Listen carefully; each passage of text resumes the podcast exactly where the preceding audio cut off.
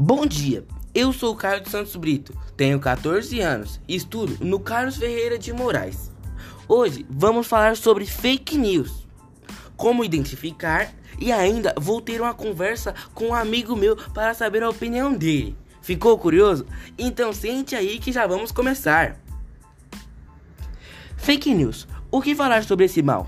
Todos já conhecemos as fake news. É uma informação com o propósito de enganar ou até mesmo confundir alguém. Aí eu me pergunto, para que alguém cria uma informação falsa e compartilha ela?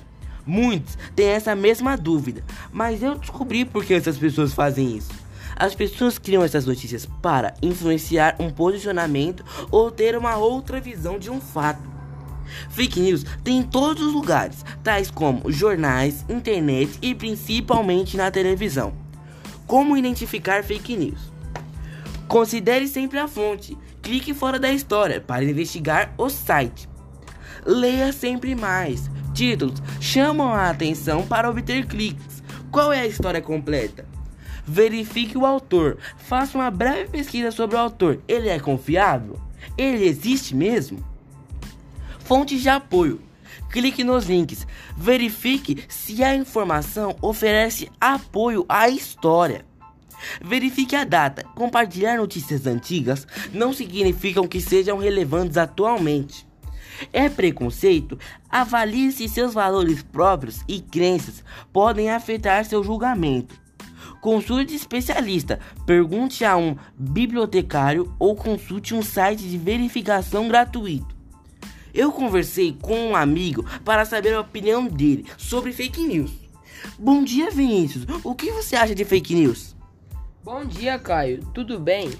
Na minha opinião, o pior não são as pessoas criarem as fake news, mas óbvio, é um grande problema.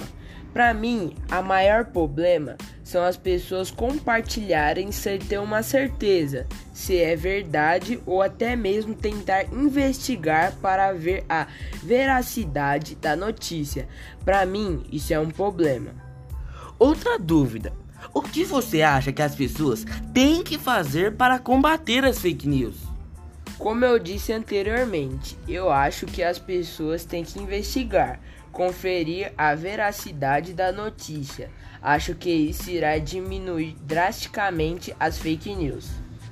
Obrigado, Vinícius. Chegamos ao fim do nosso podcast. Espero que todos tenham gostado. Se você gostou, compartilha e deixe seu like. Vai ajudar bastante. Até a próxima. E não se esqueça de compartilhar a nossa hashtag. Juntos somos mais fortes.